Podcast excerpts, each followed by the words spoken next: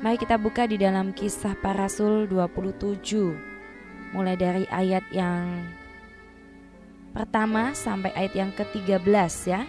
Di sini diceritakan tentang Paulus di kisah para rasul ini ketika Rasul Paulus berlayar ke Roma ya. Dan pada waktu itu dia sudah ditahan ya karena dia dituduh yang tidak-tidak dia ditahan ya karena dianggap memberikan kerusuhan dan lain sebagainya. Dan pada waktu itu dia sudah bertemu dengan Raja Agripa dan di mana Paulus menceritakan pertobatannya bagaimana Tuhan menjamah dia ya. Dan akhirnya setelah diputuskan ayat yang pertama bahwa kami akan berlayar ke Italia maka Paulus dan beberapa orang tahanan lain diserahkan kepada seorang perwira bernama Julius dari pasukan kaisar. Kami naik ke sebuah kapal dari Adramitium yang akan berangkat ke pelabuhan-pelabuhan di sepanjang pantai Asia. Lalu kami bertolak Aristarkus, seorang Makedonia dari Tesalonika, menyertai kami. Pada keesokan harinya kami singgah di Sidon. Julius memperlakukan Paulus dengan ramah dan memperbolehkan mengunjungi sahabat-sahabatnya supaya mereka memperlengkapkan keperluannya. Oleh karena angin sakal kami berlakar berlayar dari situ menyusur pantai Siprus dan setelah mengarungi laut di depan Kilkia dan Pamfilia sampailah kami di Mira di daerah Likia. Di situ perwira kami menemukan sebuah kapal dari Alexandria yang hendak berlayar ke Italia. Ia memindahkan kami ke kapal itu. Selama beberapa hari berlayar kami hampir-hampir tidak bisa maju ya. Dan dengan susah payah kami mendekati Knidus karena angin tetap tidak baik kami menyusur pantai kereta melewati Tanjung Salmone. Sesudah kami dengan susah payah melewati tanjung itu, sampailah kami di sebuah tempat bernama Pelabuhan Indah dekat kota Lasea. Sementara itu sudah banyak waktu yang hilang. Waktu puasa sudah lampau dan sudah berbahaya untuk melanjutkan pelayaran. Sebab itu Paulus memperingatkan mereka katanya, Saudara-saudara, aku lihat bahwa pelayaran kita akan mendatangkan kesukaran dan kerugian besar, bukan saja bagi muatan dan kapal, tetapi juga bagi nyawa kita. Tetapi perwira itu lebih mempercayai kepada juru mudi dan nahkoda daripada perkataan Paulus, karena pelabuhan itu tidak baik untuk tinggal di situ selama musim dingin. Maka kebanyakan dari mereka tidak setuju untuk berlayar terus dan mencoba mencapai kota Phoenix untuk tinggal di situ selama musim dingin. Kota Phoenix adalah sebuah kota pelabuhan di Pulau Kreta yang terbuka ke arah barat daya dan ke arah barat laut. Pada waktu itu angin sepoi-sepoi bertiup dari selatan. Mereka menyangka bahwa maksud mereka sudah tentu akan tercapai. Mereka membongkar sauh lalu berlayar dekat sekali menyusur pantai Kreta. Sampai ayat yang ke-13 dahulu kita baca di situ. Bintang Tuhan, ini ketika saya baca ayat-ayat ini, saya kembali diingatkan Tuhan ya bagaimana perjalanan kehidupan kita mengiring Yesus. Tentu ya tidak semuanya mulus, tapi kita mau belajar apa yang terjadi dengan Rasul Paulus itu. Nah, pada waktu itu dia dengan Julius ya, dengan perwira itu dia disayang ya, dia diperlakukan lain. Ada penyertaan Tuhan sehingga Julius ini entah kenapa dia sangat mempercayai Paulus ya. Dan dia boleh mengizinkan teman-temannya datang. Lukas ya tapi Lukas mungkin. Atau mungkin anak-anaknya yang lain ya anak-anak rohaninya teman-temannya untuk memperlengkapi apa keperluannya bertemu dengan Paulus ini. Dan pada waktu itu bintang Tuhan ada yang namanya angin sakal ya ayat yang keempat tadi. Angin sakal. Kemudian belum cuma itu ya. Tidak itu saja ayat yang ketujuh juga dikatakan ketika dalam pelayaran mereka yang terjadi adalah mereka tidak bisa maju-maju ya dengan susah payah mereka mendekati Knidus anginnya tidak baik anginnya tidak bersahabat Iya, dalam kehidupan kita kadang kita ingin mencapai sesuatu ya yang kita idam-idamkan, sesuatu yang kita impikan. Tetapi kenapa angin tidak bersahabat? Angin tidak mendorong kita, tetapi yang ada hanya angin yang melawan kita. Dan pada waktu itu musim dingin tiba, ya. Dan mereka berkata bahwa waktunya sudah banyak yang hilang. Begitu banyak kesia-siaan yang terjadi di dalam kehidupan kita juga bintang Tuhan. Karena apa yang kita kejar, apa yang kita tuju, caranya, semuanya seolah-olah salah, semuanya seolah-olah tidak ada hasil. Begitu banyak waktu yang hilang dan bahkan ya dikatakan bahwa mereka sudah sampai kepada musim dingin, banyak sekali kesukaran. Dan pada waktu itu Rasul Paulus mengingatkan, lebih baik kalian tinggal di pelabuhan ini. Jangan pergi. Mereka ingin ke kota Phoenix. Tetapi Paulus bilang, jangan teruskan perjalanan ini. Ini akan mendatangkan kesukaran dan kerugian yang besar buat semua muatan, semua barang, bahkan untuk nyawa kita. Ini mendatangkan buruk, mendatangkan keburukan, tidak baik. Ya, dan saya percaya Tuhan mengingatkan kita juga ketika kita dalam pelayaran kita, dalam bahtera kehidupan kita. Tuhan ingatkan kita, jangan lakukan itu, berhentilah sejenak. Tapi kita nggak mau, kita lihat kondisi kita, wah, tidak bisa, tidak baik tinggal di pelabuhan ini pada musim dingin ya. Tapi perwira itu lebih percaya kepada nahkoda, kepada juru mudi daripada perkataan Paulus. Siapa Paulus? Paulus hanya seorang tahanan. Mereka tidak percaya. Kadang bintang Tuhan, Tuhan ingatkan kita tidak lewat orang-orang yang kita anggap baik ya. Kadang Tuhan tegur kita, kadang Tuhan ingatkan kita lewat banyak peristiwa-peristiwa yang begitu sederhana, begitu simple. Bahkan Tuhan kadang ingatkan kita lewat seorang anak kecil. Bahkan Tuhan bisa ingatkan kita lewat sebuah lagu yang sederhana. Bahkan Tuhan bisa ingatkan kita lewat satu kejadian yang begitu sederhana. Nah, tetapi jangan sampai kita meremehkan apa yang berasal daripada Tuhan, sekalipun itu dibungkus dengan begitu sederhananya. Bahkan kadang ya, sesuatu yang terlihatnya dibungkus begitu indah, justru dalamnya belum tentu itu indah. Tetapi kadang Tuhan ini membungkus segala sesuatu yang indah dengan bungkusan yang begitu sederhana, seperti Yesus dibungkus oleh kain lampin di dalam sebuah palungan. Begitu sederhana, begitu simple, begitu penuh dengan kemuliaan. Dan pada waktu itu mereka tidak percaya, mereka tetap melanjutkan ke kota Phoenix ya karena mereka takut dan mereka berpikir bahwa ah keadaannya sudah seperti ini. Anginnya yang sakal tadi sudah berubah. Kalau dulu begitu susah, sekarang ini anginnya cuma sepoi-sepoi, ya, cuma sepoi-sepoi saja bertiup dari selatan. Mereka menyangka bahwa maksud mereka tentu akan terlaksana, tujuan mereka tentu akan tercapai karena mereka melihat keadaan sudah memungkinkan. Bintang Tuhan ketika keadaan mungkin di sekeliling kita mengizinkan apa yang kita ingin capai itu kita bisa capai. Tetapi kalau Tuhan berkata stop, kalau Tuhan berkata tidak, kalau Tuhan berkata tunggu, apa yang kita lakukan? Sering kali ya, sering kali kita berkata ini satu kesempatan, ini satu peluang, ini satu hal yang tidak bisa saya lewatkan begitu saja tanpa pikir panjang, kita lebih mempercayai orang-orang kepercayaan kita lebih dari Tuhan. Kita lebih mempercayai insting kita dalam berdagang. Kita lebih mempercayai insting kita untuk memimpin ya daripada kita mendengar suara Tuhan. Ini menjadi penyakit bagi banyak orang Kristen ya, termasuk diri saya sendiri. Ya, sering kali kita tidak tanya Tuhan, sering kali kita nggak dengar-dengaran, bahkan lewat seorang tahanan, lewat seorang yang tidak dianggap, walaupun itu seorang rasul. Tapi apa peduli dari perwira, apa peduli dari nahkoda? Dia tidak mau tahu. Dia berpikir dari ilmu perlautan ya, ilmu kelautan, ilmu angin. Nah, anginnya seperti ini. Mereka sudah pengalaman sekali. Dan akhirnya perwira itu lebih setuju, lebih taat kepada nahkoda dan juru mudi itu. Dan apa yang terjadi bintang Tuhan? Kisahnya tidak berhenti sampai di situ. Ada kisah yang menarik. Apakah mereka bisa mencapai tujuan mereka ketika mereka tidak mendengarkan suara Tuhan? Mereka bisa berlayar, mereka pikir mereka bisa berlayar. Tetapi kita lihat ayat yang ke-14. Kita baca sekali lagi ya.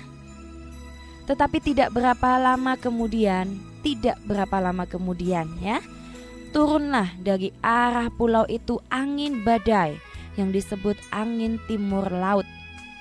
Kapal itu dilandanya dan tidak tahan menghadapi angin haluan. Karena itu kami menyerah dan membiarkan kapal kami terombang-ambing. Kemudian kami hanyut sampai ke pantai, sebuah pulau kecil bernama Kauda. Dan di situ dengan susah payah kami dapat menguasai sekoci kapal itu. Dan setelah sekoci itu dinaikkan ke atas kapal, mereka memasangkan alat-alat penolong dengan meliliti kapal itu dengan tali. Dan karena takut terdampar di beting si Sirtis, mereka menurunkan layar dan membiarkan kapal itu terapung-apung saja. Karena kami sangat hebat, diombang-ambingkan angin badai. Maka pada keesokan harinya, mereka mulai membuang muatan kapal ke dalam laut. Pada hari yang ketiga, mereka membuang alat-alat kapal dengan tangan mereka sendiri. Bintang Tuhan lihat apa yang terjadi. Tidak lama kemudian, waktu itu menentukan keberhasilan kita, bintang Tuhan. Tuhan tahu kenapa kita disuruh diam pada waktu itu musim dingin ya dan mereka berkata tidak baik tinggal di pelabuhan yang dimaksud oleh Paulus di musim dingin itu.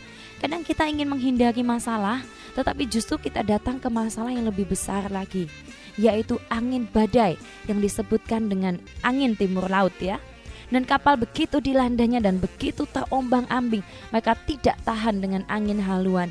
Badai pencobaan itu datang Kadang bukan karena maksud Tuhan, tetapi karena kesalahan kita. Badai itu datang bukan karena Tuhan jahat kepada kita, begitu keras, begitu mengombang-ambingkan perahu kita sampai seolah-olah kita tidak sanggup bertahan lagi. Bukan maksud Tuhan untuk menghajar kita sedemikian rupa. Tuhan sudah mengingatkan kita lewat hal-hal yang mungkin kita tidak anggap karena kita pikir itu mendatangkan masalah, tetapi justru karena pikiran kita, karena prediksi kita yang salah, akhirnya kita jatuh ke dalam masalah yang begitu besar, yaitu angin haluan, angin badai, angin timur laut itu. Dan akhirnya bintang Tuhan pada hari ketiga atau pada hari-hari itu ya, mereka membuang muatan kapal mereka ke laut. Lihat betapa banyak kerugian. Betapa banyak kerugian. Ketika dalam rumah tangga dalam setiap kehidupan kita apa pun yang kita kerjakan. Tujuan bukan dari Tuhan. Kalau apa yang kita kejar itu bukan maksud Tuhan. Ada orang bintang Tuhan dia bekerja begitu rupa untuk menunjukkan, hanya untuk menunjukkan bahwa dia itu bisa.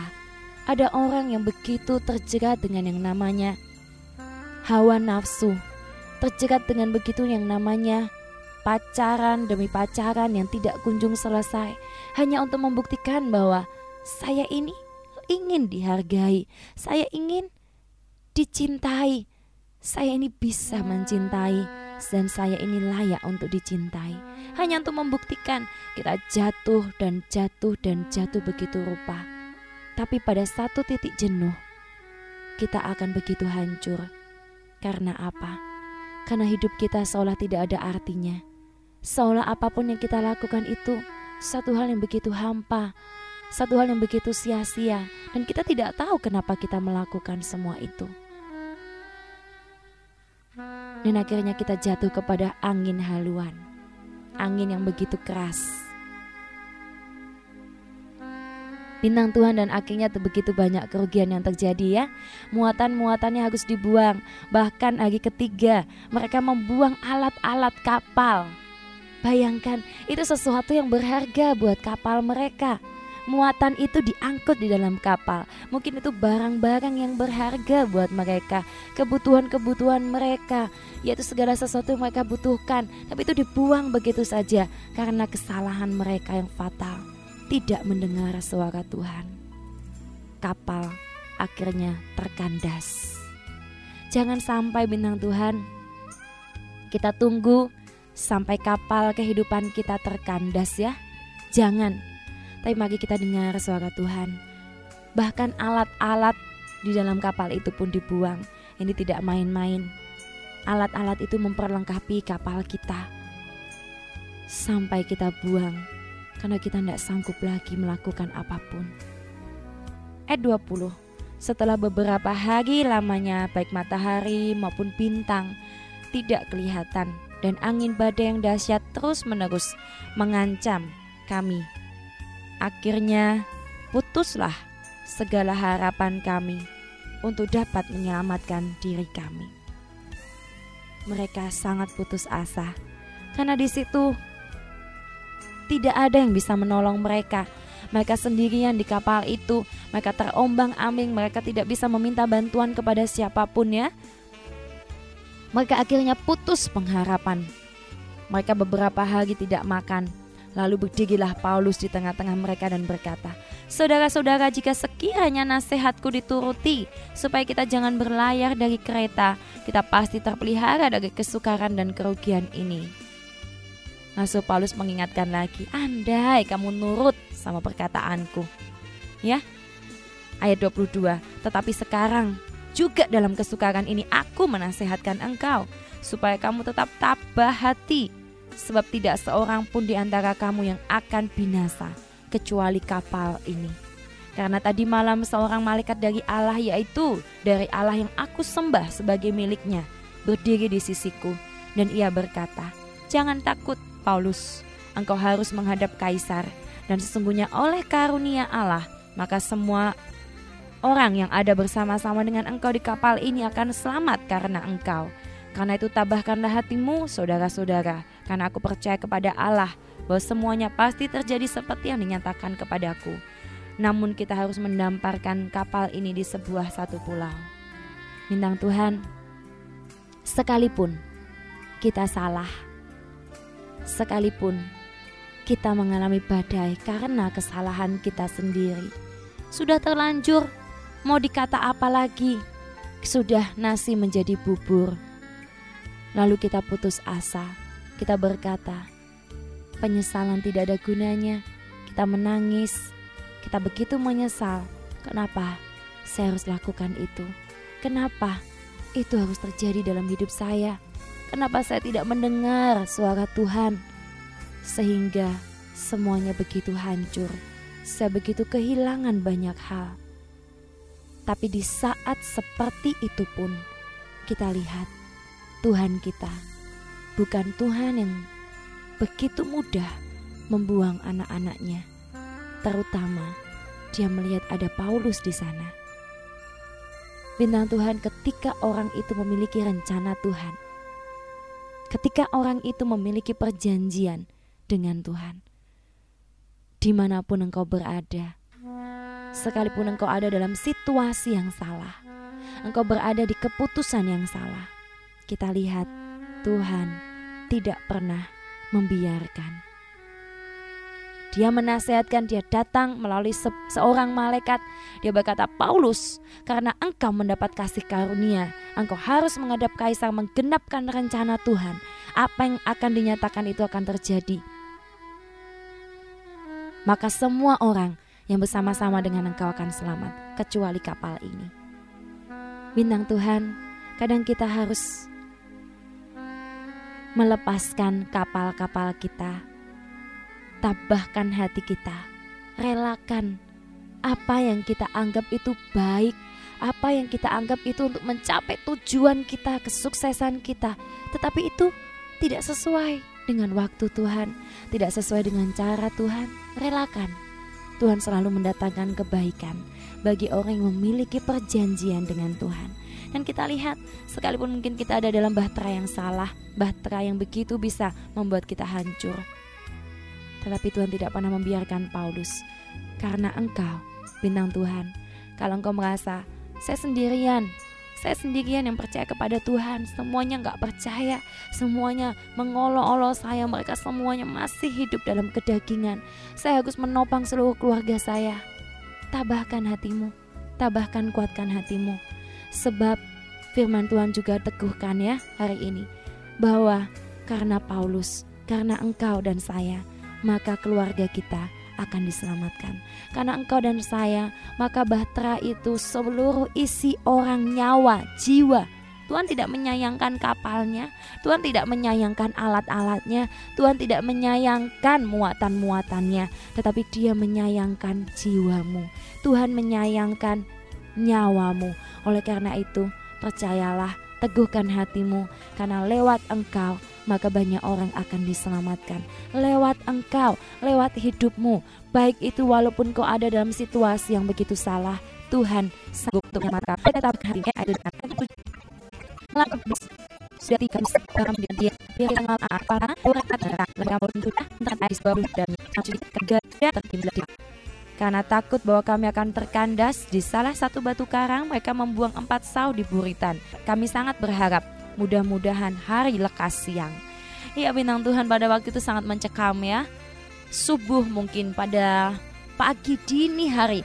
Mereka ingin sekali supaya cepat siang supaya cepat matahari itu muncul ya karena badai karena begitu kelamnya hitam semuanya begitu men mencekam kehidupan mereka. Dan mereka semua sangat menantikan fajar pagi. Bintang Tuhan ada sebuah lagu yang mengatakan ya seperti para penjaga di pagi hari demikian kita mengharapkan Tuhan. Penjaga mengharapkan fajar. Mereka begitu berharap akan fajar. Demikian juga kita berharap kepada janji-janji Tuhan. Bintang Tuhan, kalau semakin kelam hidup kita, semakin banyak masalah yang terjadi. Lihatlah bahwa fajar itu pasti akan datang buat kita. Kita sangat berharap, kita menantikan fajar itu, kita begitu takut, tetapi tidak sampai di situ apa yang terjadi. Akan tetapi anak-anak kapal berusaha untuk melarikan diri dari kapal mereka menurunkan sekoci dan berbuat seolah-olah mereka hendak melabuhkan beberapa sahu di haluan. Karena itu Paulus berkata kepada perwira dan prajuritnya, "Jika mereka tidak tinggal di kapal, kamu tidak mungkin selamat." Lalu prajurit-prajurit itu memotong tali sekoci dan membiarkannya hanyut. Bintang Tuhan banyak orang ingin melarikan diri dari masalah itu. Ya, ketika sudah begitu mencekam, kita bayangkan di laut yang begitu hebat gelombangnya. Ada orang-orang yang ingin melarikan diri dari sana dengan berpura-pura menurunkan buritan ya. Melabuhkan sauh tetapi mereka sesungguhnya ingin lari dari masalah itu. Ketika jawaban itu hendak datang, masalah semakin berat, yaitu kapal akan terkandas. Kalau mungkin muatan, kalau mungkin alat-alat mungkin itu bisa dimaklumi. Tapi kalau kapal terkandas mereka takut jangan-jangan aku mati bersama dengan kapal ini. Ketika jawaban Tuhan, janji Tuhan sudah diberikan buat mereka. Masalah semakin datang semakin berat. Bukankah demikian yang terjadi dalam hidup kita? Kita berdoa, kita minta jawaban Tuhan. Tuhan kasih jawaban Sebetulnya Tuhan kasih janji ketika kita dalam masalah ya. Kita baca firman Tuhan ada banyak janji, imani janji itu. Oke, kita sudah terima, tapi masalah tidak semakin reda. Justru kapal kita akan terkandas. Lalu kita mulai berpikir untuk melarikan diri. Paulus berteriak, "Kalau engkau tidak tinggal dalam kapal, maka engkau tidak mungkin selamat." Lalu yang terjadi ya, hari menjelang siang, sudah semakin siang ya, Paulus mengajak semua orang untuk makan. Sudah 14 hari lamanya kamu menanti, menahan lapar dan tidak makan apa-apa. Lalu mereka akhirnya makan. Ya, tidak seorang pun akan kehilangan sehelai pun dari rambut kepalanya. Luar biasa. Di tengah badai begitu mencekam, Tuhan berkata, kalau aku tidak izinkan engkau mati, engkau tidak akan mati. Kalau aku tidak mengizinkan rambut satu helai pun di kepalamu itu jatuh, maka itu tidak akan terjadi. Kita lihat betapa janji Tuhan itu kuat. Kalau dia berjanji, dia tidak mungkin ingkari. Lalu kenapa? Kenapa saya tidak menerima janji Tuhan? Kenapa saya tidak bisa menikmatinya? Mungkin kita adalah orang-orang yang lari dari kapal itu dengan menurunkan sekoci dan lari dari kapal itu di tengah masalah akhirnya kita tidak menerima apa pun. Kita mati di tengah badai itu. Bintang Tuhan mari kita mengerti prinsip ini ya. Kita belajar sama-sama. Lalu apa yang dilakukan Paulus? Dia mengucap syukur kepada Allah dia mengambil roti lalu dia memecah-mecahkannya dan lalu mulai makan. Saya teringat kepada perjamuan kudusnya Tuhan ya. Ketika dia mengambil roti mengucap syukur dan memecah-mecahkannya dan dibagikan kepada mereka dan yang terjadi adalah Betul, ada kuasa. Maka kuatlah hati semua orang itu, ya, dan mereka makan. Ada 276 jiwa. Bayangkan, 267. Itu jumlah yang tidak sedikit. Dia harus menanggung. Rasul Paulus ini harus menanggung begitu banyak nyawa. Dan semua itu adalah para tahanan. Ya, dan pada waktu itu akhirnya mereka melanggar busung pasik dan terkandaslah akhirnya kapal itu. Haluannya terpancang dan tidak bisa bergerak dan buritannya hancur dipukul oleh gelombang. Pada waktu itu prajurit bermaksud membunuh semua tahanan ya, supaya tidak ada tahanan yang melarikan diri dengan berenang. Tapi perwira itu ingin menyelamatkan Paulus. Sekali lagi, Paulus menyelamatkan tahanan-tahanan itu. Sesungguhnya tahanan-tahanan itu imannya lemah, ya, mereka belum bertobat mereka jiwa-jiwa yang betul-betul nggak ngerti. Tapi karena Paulus akhirnya mereka tidak dibunuh dan mereka mendapat kesempatan hidup untuk bertobat. Bintang Tuhan, kadang hidup kita ini memang bukan untuk diri kita ya. Kalau kita mati, maka ada ratusan ribuan bahkan orang-orang yang seharusnya kita menangkan. Itu tidak berdaya karena kita tidak mempertahankan iman kita. Percayalah, hidupmu berguna, hidupmu sangat berguna. Ketika engkau bangkit, ketika engkau memiliki iman, maka yang terjadi engkau sanggup menyelamatkan ratusan jiwa untuk diperbolehkan mengenal Kristus. Sudahkah kita menjadi dampak seperti Rasul Paulus? Sudahkah kita taat kepada suara teguran Tuhan ketika Tuhan berkata, jangan berangkat. Tapi kita pikir Tuhan ini tujuanku. Kalau aku tinggal maka ada banyak masalah. Atau mungkin kita berkata, Tuhan, aku sudah kehilangan begitu banyak waktu. Aku tidak bisa menunda lagi. Atau mungkin ketika kita sudah mendapat janji Tuhan, kita tidak bisa percaya. Mungkin kita percaya, tapi ketika badai mulai datang, ketika kita lihat kapal kita akan terkandas, kita ingin lari. Bintang Tuhan, sekali lagi jika kita lari dari masalah kita, justru itu akan menjadikan kita hancur. Jangan lari dari masalahmu. Jangan diartikan salah ya, seperti Yusuf digoda oleh tante Potifar. Wah ya, wah itu lagi dari masalah itu Yusuf, bukan. Tetapi dia menghindari pencobaan yang akan menjerat dia. Dia menghindari jerat. Itu betul.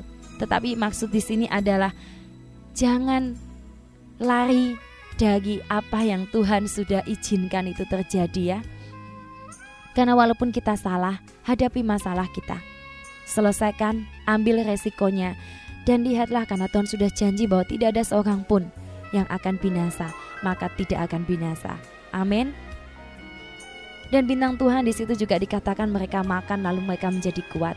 Saya percaya ini bukan makanan yang biasa, ya, bukan makanan yang sekedarnya, tapi adalah makanan firman Tuhan yang perlu buat jiwa kita. Kalau kita menghadapi masalah kita tidak kuat lagi, mari makan bintang Tuhan, makan, makan firman Tuhan, makan dari kasih karunia Tuhan, makan dari puji-pujian penyembahan kita memuji Tuhan, jiwa kita akan dikuatkan ketika kita memberkati Tuhan, maka kita akan diberkati banyak orang hanya meminta-minta, banyak orang hanya berseru, berteriak-teriak, hanya memenuhi bait Tuhan hanya dengan teriakan-teriakan mereka yang memusingkan. Tetapi mari kita belajar memberkati Tuhan. Mari kita belajar mencintai Tuhan. Mari kita belajar untuk taat setia patuh kepada Tuhan supaya apa? Supaya Tuhan disenangkan. Dan ketika dia disenangkan, dia tidak segan-segan untuk melihat kepada kita dan memulihkan keadaan kita. Amin. Mari bintang Tuhan kita merenungkan firman Tuhan apa yang sudah saya bagikan buat bintang Tuhan di hari ini. Apa yang menjadi pergumulan kita? Apa yang menjadi kapal-kapal kita? Ke mana kita hendak berlabuh? Ke mana kita hendak menunjukkan kapal kita? Jangan menaiki kapal untuk membuktikan diri kita. Jangan mengejar sesuatu hanya untuk membuktikan bahwa kita bisa kita tidak perlu membuktikan diri. Engkau sudah diakui, engkau sudah dicintai, dan engkau adalah anak kesayangan Tuhan. Tidak perlu kita meminta kasih sayangnya lagi. kita sudah disayang oleh Tuhan. Mari kita berdoa. Bapa kami mengucap syukur Tuhan buat firman-Mu. Biar ini boleh menjadi kekuatan buat kami. Kami percaya bahwa apa yang kau perintahkan itu baik. Kami mau jadi dampak. Tuhan sekalipun kami berlayar, kami menanggung begitu banyak orang. Tuhan kami percaya Engkau yang menguatkan dan membuat hati kami kuat. Supaya lewat kami banyak orang boleh diselamatkan. Supaya kami juga Tuhan mempercayai janji-janjimu bahwa janjimu itu ya dan amin. Kami menantikan fajarmu ya Tuhan. Kami menantikan fajarmu. Datanglah Kudus engkau kapan kami adi maslim saya Tuhan kau memberikan kebenaran dan dan dalam kapal di dalamnya Isa demi di hati bagi kehidupan kasih dalam Tuhan Yesus. Amin.